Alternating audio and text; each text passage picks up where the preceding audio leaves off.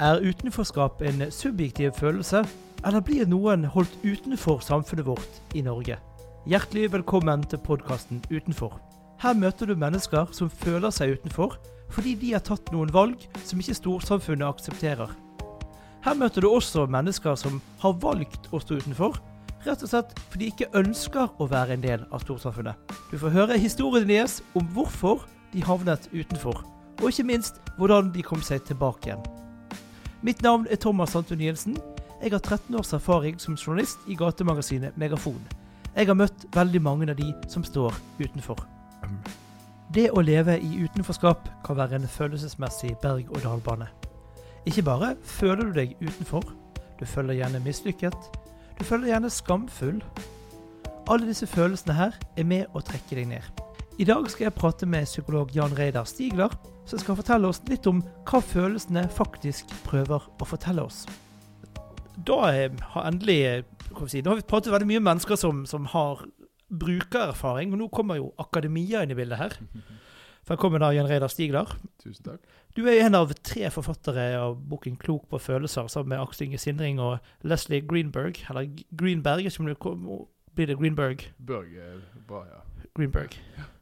Eh, og, hun, og dere to har jo da skrevet boken 'Klok på følelser'. og Det er jo det hva følelsene prøver å fortelle deg. Ja, absolutt. Fortell litt om boken først og fremst. Jan det er en bok som har sitt utspring i at vi alle tre altså han, Det er en han for øvrig, Leslie, selv om det høres ut som en hund. Men det, han er på en måte en teoretiker som har utviklet forsker og teoretiker som har utviklet en modell for hvordan man jobber med følelser i terapi. Og så har jeg eh, vært så heldig å få lov å lære veldig mye av han, og hatt han med meg rundt her i Norge og lært eh, hvordan man bruker denne modellen. Eh, så har vi sett etter hvert et behov for at også folk skal forstå modell. Så vi jobber med det i terapi, men noen trenger også mer forståelse når de jobber med følelsene sine. Så da er denne boken et forsøk på å kombinere de to tingene. At du skal kunne forstå det, og jobbe med det. Så du forstår hva følelsene prøver å fortelle deg. Uh, og hvis du ønsker å gå dypere, og kunne også jobbe med endring hvis man ønsker det. Ja, for jeg eh, hadde jo en intro til podkasten min som der jeg sier utenforskapet en objektiv eller subjektiv følelse. Da fikk jeg kjempekjeft, for en følelse kan ikke være objektiv. Den var jo bare subjektiv. Ja. Så jeg måtte jo endre den. da, for han, eh, En god kompis av meg sa at nei, du kan ikke ha en objektiv følelse. Det, det går ikke, For det er jo en subjektiv opplevelse alt sammen. Ja, du kan i hvert fall ikke ha en objektiv opplevelse. Eh, men da kommer man litt inn på så du ser med akademia. Men, men, det er klart at følelser er jo også noe som vi har som et slags indre program. Sant? Så man kan absolutt si at det er også noe objektive aspekter ved følelsene. Eh, men det som vi til syvende og sist jobber med i, i, når vi jobber med endring, det er selvfølgelig den subjektive opplevelsen. Ja, for der er du inne på noe. For hva er på en måte en følelse? Ja. Altså, du får begynne. Klokken er jo halv ni om morgenen. Vi ja. har så vidt fått kaffen. Absolutt. Så la oss begynne filosofisk. Hva ja. er da en følelse? Ja, det er en Altså det, det, jeg pleier å prøve å lære folk først og fremst, det er at hvis du kjenner på en følelse, så betyr det at et eller annet behov inni deg er berørt. Så vi pleier ofte å definere det som at følelser er um, ganske kompliserte reaksjoner på at noen viktige behov er berørt. Du har basale følelsene, som er om du er sulten eller om du er trøtt eller disse tingene.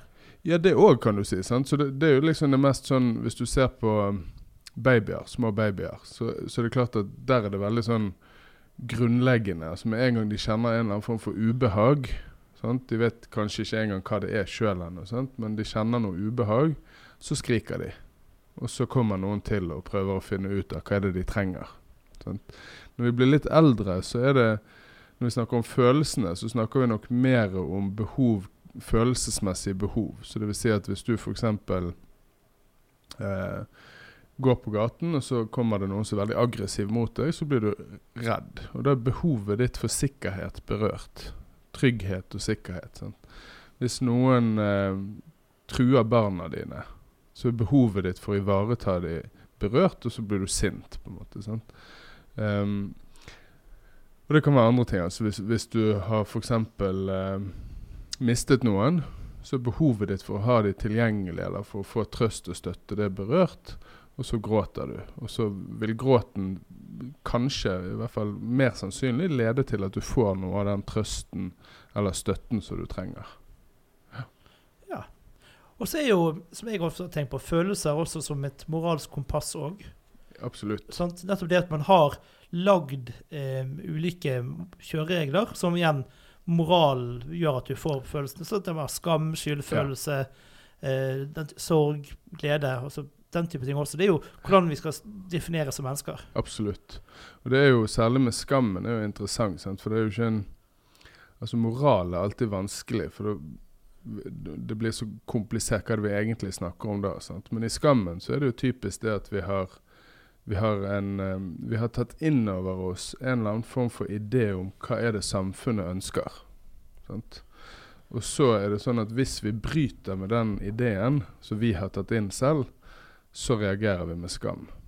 Så det er en slags emosjonell moral, kan du si, i den forstand. sant? Men er ikke den skammen et produkt av evolusjon? At man måte har sett gjennom at vi har tilpasset oss som gruppe og som menneskerase? Altså, det er jo, vi diskuterte tidligere på kontoret altså, eh, vi har lært oss at vi skal ikke si, ta livet av våre foreldre, for det er ja. viktig å ha de med. Vi har lært oss at enkelte typer dyr er med på å si nyttig for oss. Absolutt. Det henger sammen med nytte som gruppe. Helt klart. Du, altså Skammen grunnleggende sett er jo en altså Jeg omtaler det ofte som en slags sånn samfunnslim. Sant? For det at, altså det at vi går rundt og oppfører oss noenlunde bra, er jo knyttet til skammen vår. Sant? Så det betyr ikke at vi går rundt og skammer oss, og at det er en slags sånn eh, at det er den eneste drivkraften, eller noe sånt. Men, men, det har på en måte et veldig sånn en viktig funksjon i at vi faktisk ser på gruppen vår som noe større enn oss sjøl. Så det er egentlig en ganske sånn god følelse i den forstand. Han, han, kjennes jo helt forferdelig ut. Er jo, det er jo en av de vondeste følelsene du kan ha, kanskje. Men den er utrolig viktig for at samfunnet vårt skal fungere. Sant? Og så brukes jo han også som våpen. altså ja. Eksempel mot kvinner og fri seksualitet brukes skammen ganske kraftig.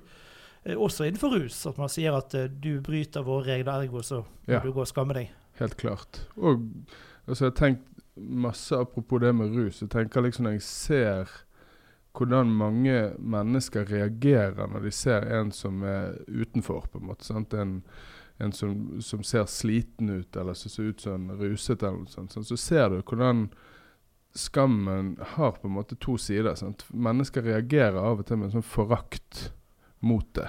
Og da tenker jeg det er jo, en, altså det er en, det er jo sjanseløst å komme ut av det når du responderer Altså det eneste du ser, er forakt i andre.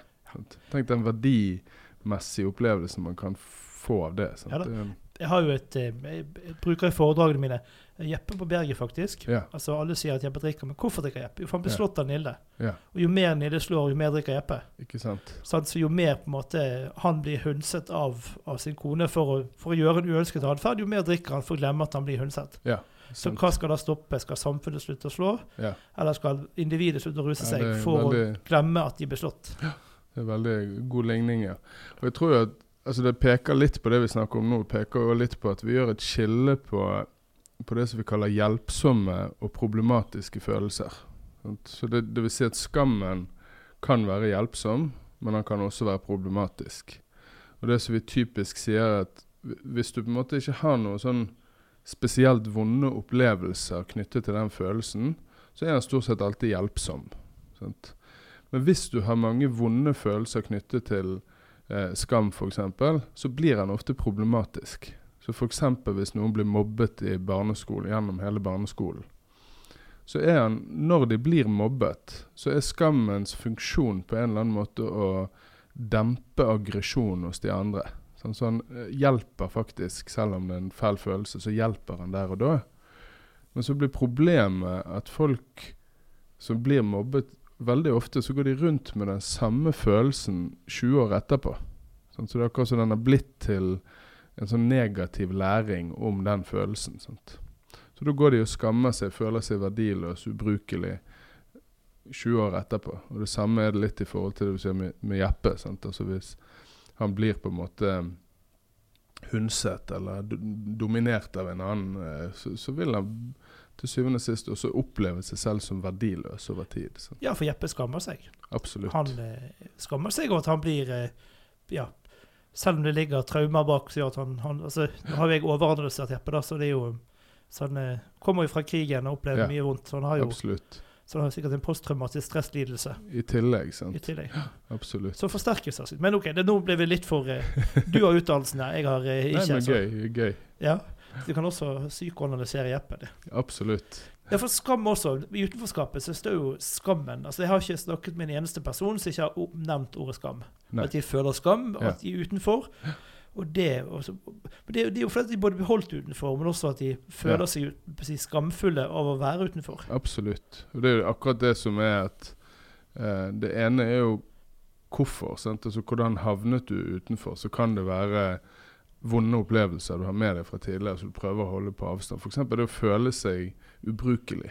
Sant? Det er en følelse som gjør at man blir desperat rett og slett etter en forandring. Sant? Så veldig ofte så ser vi at folk som føler seg veldig ubrukelige, går enten inn i en veldig sånn depressiv tilstand. måte?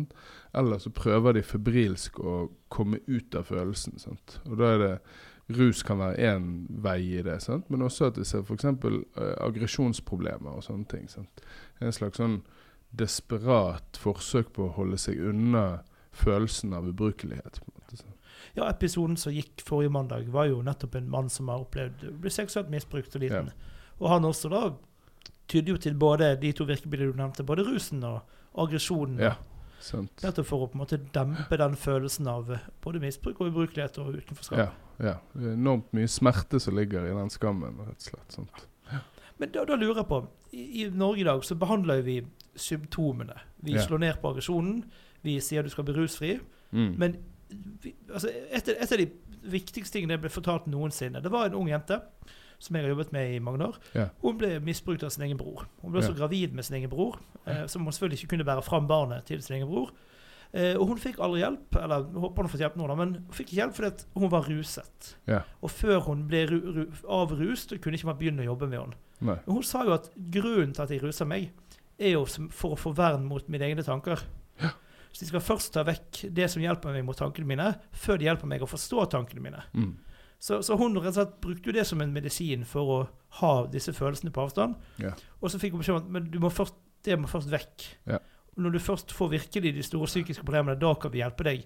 Selvfølgelig da med andre medisiner. Yeah. Herlig ironisk nok. Begynner ikke vi i feil ende, da? Burde ikke vi begynt med problemet? Altså, tilbake til Jeppe. Problemet hans er jo at han ble slått, og at han har en, en, si, en posttraumatisk stresslidelse. Det er jo Ja. ikke alkohol som er problemet hans. Nei, Egentlig. Sant. Og det er jo, altså nå, skal, nå jobber ikke jeg eksplisitt med, med rus, og jeg skal ikke påstå veldig hardnakket hvilke liksom veier som er best, men jeg er helt 100% enig med at man må tenke i all behandling av mennesker som altså Man må forstå det helhetlig. Man kan ikke ta utgangspunkt i symptomer eh, utelukkende. Det er klart at noen ganger så er symptomer så skadelig. F.eks. hvis du driver og kutter deg sjøl til, til, til du nesten dør. Altså det, det er klart at Da må jo det tas hensyn til. Eller hvis du har en, en veldig alvorlig spiseforstyrrelse, så må man på en måte behandle det i seg selv. Og selvsagt også er du utagerende voldelig mot andre, så må jo selvfølgelig også den, den kontrolleres. ikke Absolutt. Og sånn kan det kanskje av og til også være med rus. at Hvis man på en måte er så dypt inne i rusen at man ikke har noe eh, Nesten ikke kan lære noe, sant? fordi at alt bare blir en sånn tåkete eh, tilværelse, så kan det jo tenkes at man må håndtere i hvert fall toppen av det først. Sant? Men jeg tenker ikke rusfri og så behandling altså Det høres litt rart ut for meg. Jeg tror heller ikke, så vidt jeg vet, så, så er det i hvert fall mange i rusbehandlingen som etter hvert vil si seg veldig enig med det du sier. At eh, man kan ikke liksom vente til rusen er helt over uh, før man uh, jobber med de psykologiske tingene. ja, for en sinnslidelse som behandles med somat somatiske virkemidler. Det blir litt feil. Ja, helt enig. sant? Absolutt. Og det, dette er jo en sånn Så det siste kapittelet i boken så har vi noen sånne her oppfordringer til samfunnet. holdt jeg på å si, sant? Så vi er jo veldig opptatt av det at den kunnskapen man etter hvert har om hvordan negative ting som rus, eller til og med mange sånne helseproblemer, depresjon, alle mulige, også mer sånn somatiske helseproblemer, har veldig ofte et utspring i vanskelige opplevelser de første årene av livet. Det, der er en sånn gigantisk studie fra, fra statene som viser så tydelig hvordan antallet negative barndomsopplevelser leder til en økning på alle de negative statistikkene som voksen. Inkludert type sånne ting som man tror er mer somatisk, og enkelte former for kreft og, og hjerte-karsykdommer. og sånn, sant? Så det er en enormt viktig greie i seg selv at vi må, vi må ta på alvor folks vonde, smertefulle opplevelser. Det er det som kommer til å hjelpe folk ut av lidelse, uansett hva lidelsen er omtrent. Og ikke minst en, en god oppvekst, en god start på livet. Altså Hvis jeg nå tolker det rett nå, så er jo, er jo barnehagebarn omtrent Kan man se i barnehagen ganske tidlig om denne personen får det livsløpet eller det livsløpet. Ja. Sånn, selvfølgelig på et statistisk plan, ikke en Jo. sånn individplan. Nei, men helt riktig. Altså det, det, hvis vi ser på en måte på eh, prioriteringene våre i, som samfunn i dag, så driver vi på en måte og bruker 90 av midlene på brannslukking og 10% på forebygging. Og så vet vi egentlig for all kunnskap tilsier at det, det er en dårlig løsning. Ja. Sant? Men likevel så det, det tar lang tid å forandre sånne ting. Så, det, så, så tallets tale er ganske klar, men, men uh, som samfunn og, så henger vi litt etter og, og gjør ikke det som vi kanskje vet at er den rette tingen å gjøre. Ja, for jeg er jo en utdannet rakker fra Løvstaksiden som Mm. har eh, kokt i hop noen postulater for meg sjøl. Mm. Et av postulatene mine er vi må gjøre, gjøre mye for få, og ikke lite for mange. Det er helt, Sant? Det er en av mine Jeg har stått og messa på det i mange foredrag. Jo, Ja. Vi må faktisk inn med masse masse, masse hjelp til de få. Og det at det står en eh, litt eh, avruset stakkar og prater for skoleklasser, hjelper ikke. For de to som skulker, de, det er Ja. de som trenger det. absolutt. Lille Lise på første rad som kommer til å få sex i alle fag og bli lege, hun trenger Det blir jo en fin time for hun, men, men det er jo Per og Fredrik som står oppe på røykehjørnet og røyker. Det er de som Ja. De bør vi gjøre noe for, ikke nødvendigvis de, de, den mengden. Ja, og i hvert fall, hvert fall, ikke, hvert fall ikke en sånn generell medisin til alle, holdt jeg på å si. Sant? Det er jeg helt eh, 100 enig i. Å styrke foreldre eh, og, og foreldres evne til å være, være der for barna sine, det tenker jeg liksom noe av det viktigste vi kan gjøre som samfunn. At vi, det, den arenaen alle disse tingene skjer på. Sant? Så hvis du har foreldre som hjelper barna sine til å håndtere følelser, så har vi sannsynligvis redusert ekstremt mye negativ statistikk for samfunnet. Men du har jo lang vei å gå, da. Som 70-tallsgenerasjon så var jo følelser for menn skulle jo helst Vi skulle ha to ting. Det var arbeidstøy og sengetøy. Og Ja. skulle være den trygge, gode klippen som var der når damen ble hysterisk. som det ble sagt. Absolutt. Ja. Det er nok litt idealet fortsatt jeg er redd for. Ja, du har jo i hvert fall for, for, i hvert fall for menn, da. Jeg får jo stadig kjeft av min kjære for å være en kvinne forkledd i mannskropp som eh, har altfor mye kontakt med følelseslivet mitt. Ja. Men, men eh, du har jo Hvordan endrer man holdningen til følelser, spesielt på oss gutter? Ja, det er et godt spørsmål. Det tenker jeg blant annet er jo foregangsfigurer. Sant? Så når du, hvis du kan på en måte vise andre gutter, andre menn, at det, det er faktisk greit, så tenker jeg det er en kjempeviktig del. Sant? Jeg syns også det er utrolig fint å se på eh, nye generasjonen av musikere. De jeg liksom umiddelbart kommer på med, med han Cezinando, sånn, som viser Han har det helt utenpå omtrent. på en måte, sant? Den sårbarheten og Uh, og så Lars Vaular og sånt. Så det er liksom åpnet opp for en litt mer, en litt mer uh, komplisert mannsrolle, eller en litt mer åpen mannsrolle, kanskje. Som jeg syns virker til å være et steg i absolutt i riktig retning. Men Men du kjemper mot den sterkeste følelsen, da. Skammen. Du vet, Ja. Menn skal jo ikke være sånne femidyr. Vi skal, sånn. Nå kommer skammen inn og sier sånn Du skal ikke være sånn feminin liten klatt. Du skal være du skal være sterk og staut Ja. kar her. sant. Og så er det viktig altså Det jeg pleier ofte å være veldig opptatt av, er å si til folk når jeg snakker om følelser, at det er ikke noe sånn ideal for hvordan du skal føle. Sant? Så det viktige er på en måte at man skaper en frihet for at du føler sånn som du føler. Og det er ikke, det er ikke sånn at så mange menn som, som kanskje ikke har veldig sånn sterke altså Vi er jo født forskjellige òg. Det er ikke alle menn som er født med sterke indre følelser. Sant? Kanskje det er litt, eh, litt mer begrenset uttrykk for følelsen og alt sånne ting. Så er ikke det, det er ikke feil. Det, da er ikke du liksom en primitiv mann eller et eller annet sånt heller. Sant? Så det er viktig å ha et bredt spekter av hva som er greit, på en måte. Ja, og så er vel også litt eh, jeg vil ikke si genetisk, men kulturelt betinget. Jeg har Ja. jo jobbet mye med chilenerne og vi holder Ja. på med et teaterstykke. Og, da, og der er det masse følelser. Disse mannfolkene der er jo fyrige følelsesdyr. sant? Absolutt. Sant? Mens vi nordmenn er mer sånn trauste, mer sånn Nei, vi skal ikke sant? Ja. Så det Absolutt. det er jo også forskjell innad i hvor man kommer fra, opprinnelse.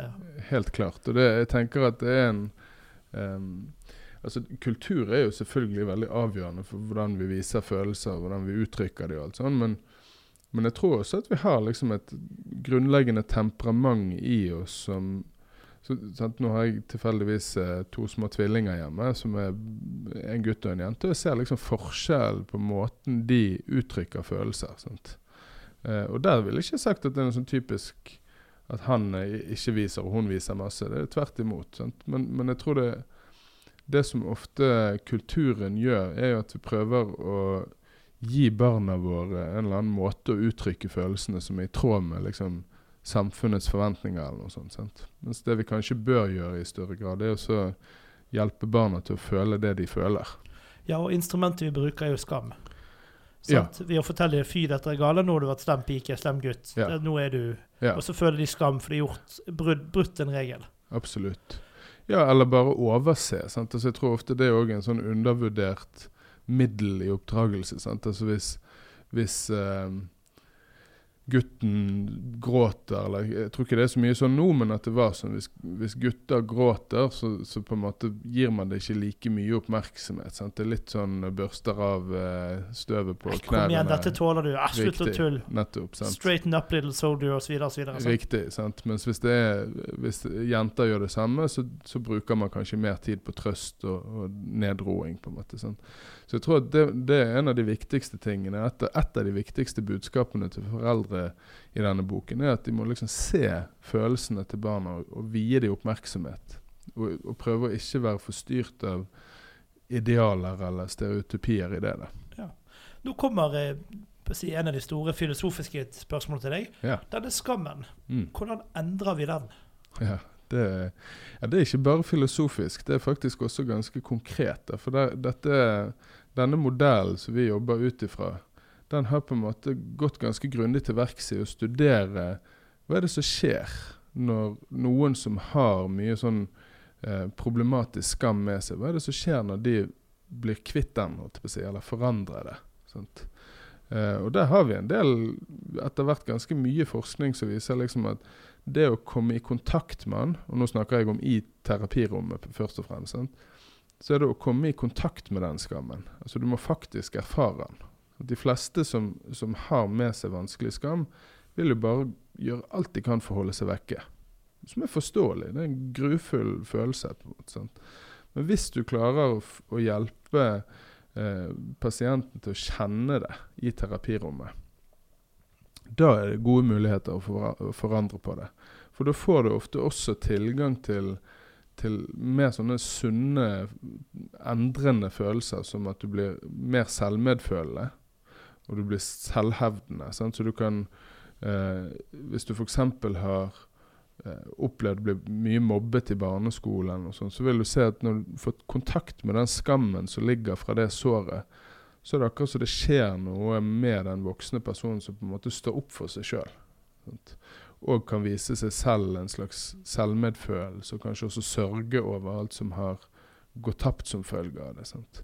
Så skammen, egentlig så vil jeg sagt at vi, hovedpoenget med liksom endring i denne modellen er at vi endrer følelser med følelser. Så hvis du føler på masse problematisk skam, så prøver vi å få tak i den mer sånn selvmedfølende og selvhevdende delen av deg, sånn at du kan endre på den opplevelsen som du har av å være ubrukelig til syvende og sist. Ja, Det er jo empowerment. Altså Ja. Gi deg sjøl verktøyene til å klare å endre ditt eget liv. Absolutt. Sånt, En velkjent metodikk vi brukte i gatemagasinet jeg jobbet, iallfall. Ja.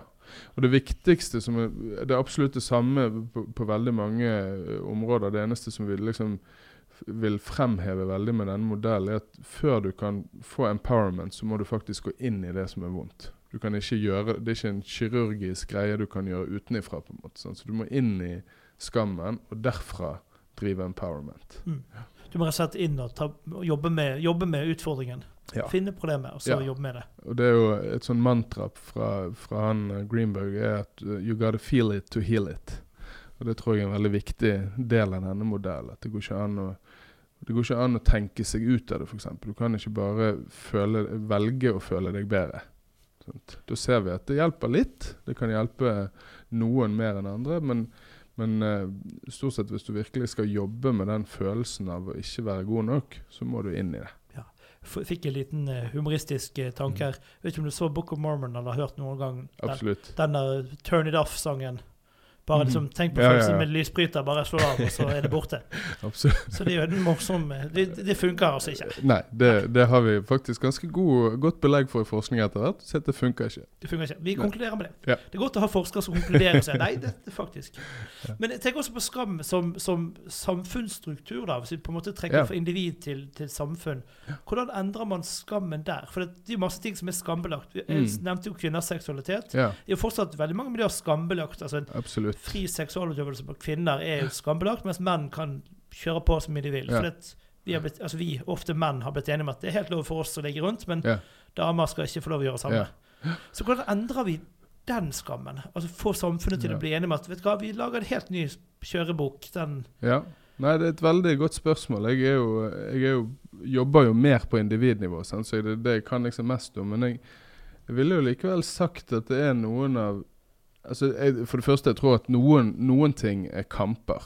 Sant? Jeg tror på en måte eh, kvinnekampen eller likestillingskampen har vært utrolig viktig. Eh, det, liksom, det endrer på en måte på hva vi forventer at en kvinne er. på en måte. sant? Så det, jeg tror den type kamper er superviktig.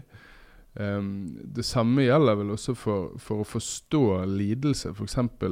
Uh, altså hvis du ser noen som strever med rus, så er det aldri sånn at noen på et eller annet tidspunkt besluttet seg for at nei, nå skal jeg ha et vanskelig liv, eller nå, jeg, nå skal jeg være utenfor. eller noe sånt. Sant? Det ligger alltid, alltid, alltid en sårbarhet til grunn for den type vansker. ja, og når vi har den kunnskapen, hvorfor er det da så skambelagt å havne i det miljøet? Det er det, det er det jeg ikke forstår. For da burde empatien til mennesket, og ikke minst gruppeempatien til, til mennesket, sier at oi, vi har en person som sliter, Ja. her må vi hjelpe. Jeg tror det er fordi altså, Jeg tror det fordi at hvis vi liksom tenker på skammen litt sånn teknisk her, sant? så er jo skammen også med på å hjelpe folk til å holde seg unna det som blir destruktivt for dem. på en måte, sant? Så på en måte så har skammen Kanskje hjelper skammen noen til å ikke havne ut i trøbbel. For det at man liksom også har den mekanismen i seg, at man skal holde seg innenfor samfunnets forventninger på et vis. Så, så det er ikke bare negativt med skam i seg selv. Sant? Men det som, det som på en måte blir så utrolig negativt, er at hvis du da har trukket utenfor den, den sirkelen, holdt jeg på å si, så er det akkurat som det er 100 ganger vanskelig å komme inn igjen. Mm. For da er du på en måte definert ut av gruppen. Og det er en av de mest sånn destruktive kreftene vi har, tror jeg. Det er liksom Hvis du defineres ut av gruppen, da er du rett og slett Du tilhører det ikke. Du har ikke en flokk. Så finner du en annen flokk, kanskje, men, men da, da går du i hvert fall ikke ut av den flokken. på en måte. Nei, artig du nevner, for nå har samtlige av alle jeg har snakket med, brukt ordet flokk. Ja. Og viktigheten av å ha en flokk og tilhøre en flokk. Absolutt. Så det er jo en, eh, kanskje det viktigste av alle. Så hvordan, hvordan utvider vi flokken? da? Den på en måte, La oss kalle den for normalflokken. da, selv om Jeg vil ikke bruke ordet normal, men, men den, eh, den største flokken, da, den samfunnsflokken. Ja. Jeg tror Altså jeg tror det er mange ting som vi gjør. Altså jeg tror at kanskje også andre har, har på en måte mer å si om det enn meg. Men jeg tror at i hvert fall for et individ så er det helt avgjørende å oppleve aksept. Det er litt det eksempelet jeg sa i sted med at hvis noen som har havnet utenfor, det eneste de møter hos andre er forakt og avsky, så tenker jeg at det, det er nesten umulig. Da er du på en måte hver eneste dag så blir du fortalt du hører ikke til. Så det, det begynner jo kanskje med noe så banalt og enkelt som å vise en eller annen form for nestekjærlighet og aksept. på en måte, sant? Så neste gang du går i byen og ser noen streve som åpenbart er utenfor, kanskje bare begynne med i hvert fall et varmt smil, eller noe som tyder på at du i hvert fall ikke plasserer de utenfor. Enten det nå er tiggere eller folk som er ruset, eller hva det nå er for noe. Se andre mennesker. Absolutt. Se og, og være Anerkjenn. vennlig. Anerkjenn. Ja. An det er absolutt et godt ord. Anerkjennelse. Ja.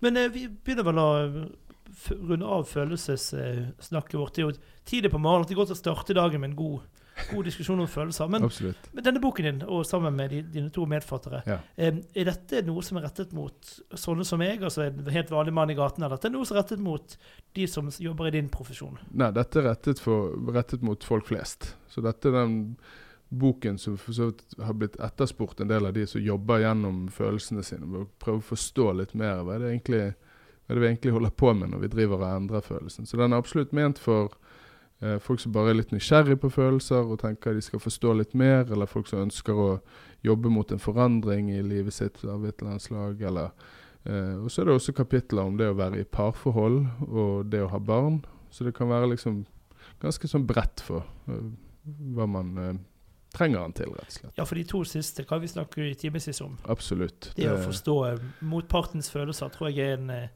Kunne jo skrevet et leksikon om begge to. Å ja, det er en ganske heftig det kan, det kan være i hvert fall en ganske heftig arena. eh, Og ikke minst for barn. At det går fra å være to til plutselig være nesten en personlig slave for Ja, noen nye individer. absolutt. Den også er, tror jeg, en, eh, en god, god ting å ta med seg. Jeg tror absolutt det. det er, altså er man i en eh, Har man barn, og, og egentlig barn uansett hvilken alder, så er det en kanskje nyttig ting å gå til det kapitlet og se på.